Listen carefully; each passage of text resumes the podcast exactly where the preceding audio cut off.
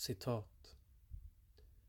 Regndropparna splittras mot vindrutan, förvrider rumtiden. Efter jorden är byggandet av berättelser geografi. Slutcitat. Så här kan dikt ur vår värld, skriven om en annan värld, se ut idag. Som i Johannes Helldéns nya diktsamling First Contact. Jag öppnar det akvarellmålade omslaget med dess suggestiva elljus, eldflugor och märkliga dis och liksom faller ner i en sparsam dikt med bara en handfull ord per sida först, i hög hastighet. Det är som början på just ett regn.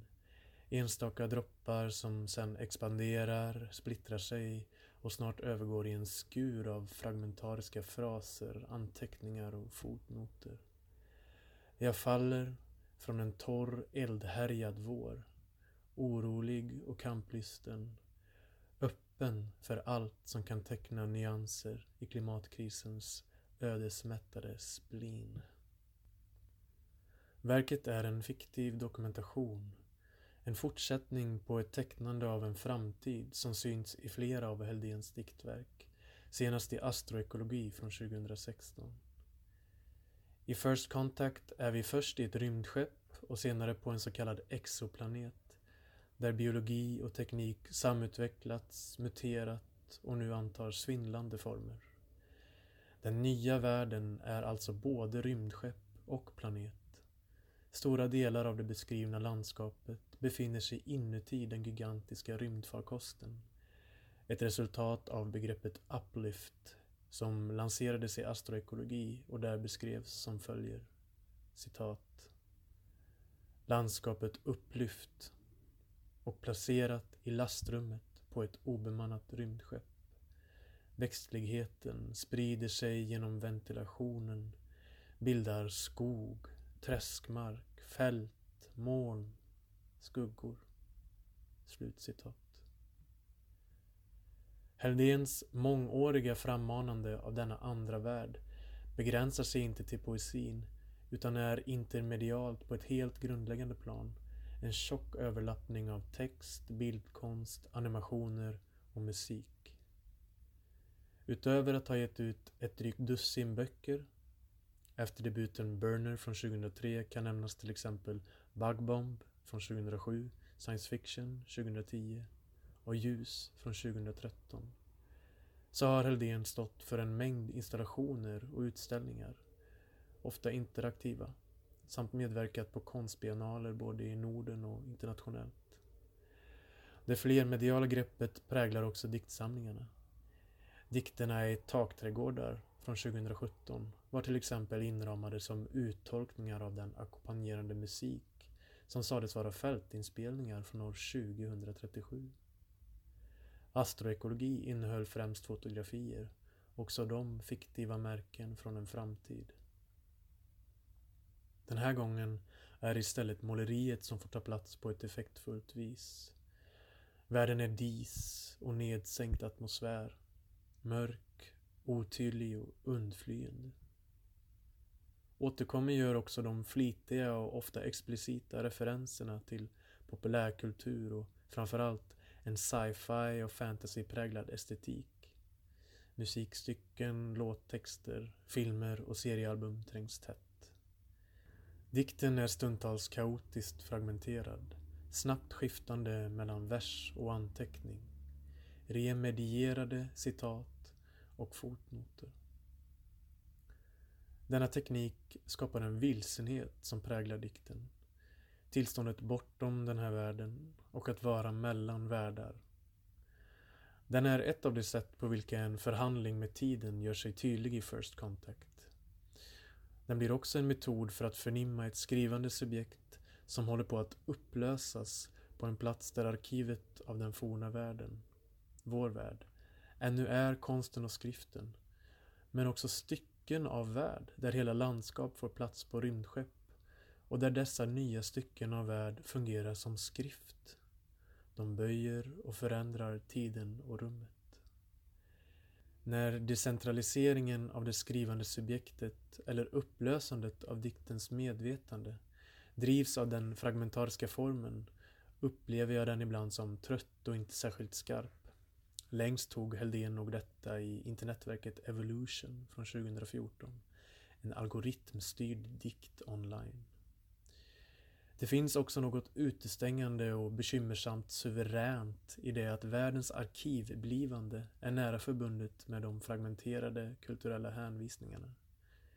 Då kan dikterna kännas resonanslösa, som en solipsistisk AI som tjattrar på. Istället får diktsamlingen sin udd och styrka i det utforskande, det fantasifulla och förundrade. Citat. Ur detta instabila tillstånd vi kallar nuet. Vaknar ur djupsömnen. När jag analyserade ljudinspelningarna av motorn Wyatt and Garner Solar Flare som används i interstellär drift sedan tidigt 50-tal upptäckte jag förändringar i det audiovisuella spektrat. Dessa skiftningar, fem stycken, väckte tanken på hittills okända livsformer. Ett slags sonora växter i ljudvågornas väv med rotsystem som sträckte sig genom flera tidssediment samtidigt. Omöjliga att se med blotta ögat, men möjliga att visualisera med speciella filter efter att ljudvågorna dragits ut i tid. Slutcitat. Det här fantastiska elementet är särskilt påtagligt i den avslutande delen av diktsamlingen Fältguide till framtida planet där vi får möta organismer som semi-intelligent mossa, hyperskivlingar och neokaprifol. Framförallt träffar beskrivningen av en slags sländevarelse, en eldfluga. Den lägger sig på bröstet hos diktens jag, blinkar till och dör sen. Citat. Jag höll varelsen i handflatan. Jag är ett virus från en annan planet. Det doftade multnad citrus, svartpeppar oidentifierad spillning. Jag la varsamt ifrån mig sländervarelsens kropp. Den hade släppt ifrån sig lysgula sporer i min handflata. Efter en sekunds tvekan slickade jag upp dem och det smakade som ett jag mer avancerat än mitt. Slutcitat. Jag gillar allra bäst när Heldén skriver fram det sköra och det sorgsna på det här viset. I sådana stunder lyssnar han så i sitt skrivande. Nära tystnaden.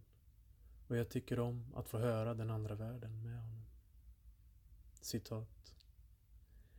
Inget kvar att försvinna in i. Förslag på mer avancerade existenser än min. Innan det tar slut inväntar oroligt framtida skyfall, tatueringar av tassavtryck över rymdskeppsritningar, ormbunkarna vid fönstret, hypermedvetna. Slutcitat. Det är som ett perfekt gränsland just invid avgrundens rand, nära språkets utslocknande där frågan om hur ett annat medvetande kan driva dikten inte besvaras av en automatiserad och kallt klingande AI utan i förskjutningar och affekter. Det är också där som utforskningen av tiden verkligen sätter igång något. De sonora växterna är både, citat, före, efter, upplysta ljudspårer, svävande, fyller stilla rummen alla tider samtidigt. Slutcitat. Mitt lyssnande med Heldén är en uppmärksamhet på det särskilda i den nya världen, men också ett ansvarstagande. Att läsa med tidens olika skikt tagna i beaktning. Heldén ställer frågan på en ensam rad. Citat. Hur lyssnar vi på den tid som varit, den tid som kommer? Slutcitat. När denna undran är i spel är läsningen drabbande. Dikterna laddade mellan tider, affektiva. Hur lyssnar jag? Från en allt varmare samtid, där det inte går att läsa om tid, framtid eller någonting alls bortom jorden utan att höra flera tider samtidigt. På bokens försättssidor breder en målning av en försättssida ut sig. Den är ljust grön och liknar någon slags märklig lav. På laven står det med mycket liten text, citat. The only thing that makes life possible is permanent, intolerable uncertainty, not knowing what comes next. Slutcitat. Ett citat från den idoliserade sci-fi författaren Ursula K. Le Guins verk The Left Hand of Darkness från 1969. Det är taget rakt ur en av de allra bästa passagerna i romanen, där frågor om intuition, tid och framtid sätts i spel. Frågor om vad kunskap kan vara samt vilka frågor som är fel att ställa. Den ramar in tidsleken hos Heldén men aktiveras mer direkt i en slags inverterad form. Han skriver citat When was the last kör norrut in i Oregon. time you felt konturerna that anything was possible kraschar i slow motion your whole life självlysande in front of you. Slutcitat. Det är skrivet rakt ur en värld där den för Leguin grundläggande osäkerheten nu har bytts ut mot ödets förbannelse. Ett liv i visshet om var planetens ständigt varmare temperaturer tar oss. Bortom tröskelvärdena, vidare mot barbariet. Djupare in i det, ska jag säga. Den förlamande vissheten är relativ. Så mycket i tiden kommer fortfarande att vara öppet, möjligt, också i en värld där den globala uppvärmningen överstigit 1,5 grader. Det är bara det att så ofattbart mycket kommer att vara omöjligt att det möjliga kan förlora sin mening. Det är inte underligt att klimatkrisen ständigt riskerar att slå över i en absolut form där ödesmättnaden blir fullkomligt ohanterlig och förlamande. Galen. Det verkar vara i just denna form som den undertrycks och förnekas i det kollektiva medvetandet, vilket laddar den med mer öde och så vidare. Fast ändå. Det är just i kampen om rätten till en ännu öppen framtid som skolungdomar i Europa tagit till gatorna. Det måste också sägas att kampen om tiden för många går bortom schemat stängd respektive öppen tid. Jag tänker på alla de människor i lägren vid den här kontinentens gränser vars framtid är både stängd och oviss, ryckt ur deras händer. Barbariet är redan här, som nationalism, bortträngning och våld i gränsernas namn. Det är svårt att inte uppslukas fullständigt av fantasin om det singulära slutet. Men det kan alltså i själva verket aldrig bli absolut. Det kommer bestå, består redan, av fler slut, pågående slut som inte vill upphöra, förstärkta gränsförrättanden, mer lidande. Man skulle kunna invända mot Heldéns dikt att hans framtid är för långt borta. Att dikten sällar sig till den del av den mörka ekologin som alltför lättvindigt bejakar slutet. Som längtar efter skratten som kan klinga i den här civilisationens ruiner. Efter den möjliga restens nya villkor. Sådana drag finns här, men slutet är i alla fall inte absolut. Inte heller i gestaltningen. Fraserna är ofta avhuggna, men då antingen helt osentimentalt eller svävande och öppnande. Slutet på själva diktsamlingen är ett gott exempel på det senare. Citat. De disiga gångvägarna övervuxna. Slutcitat.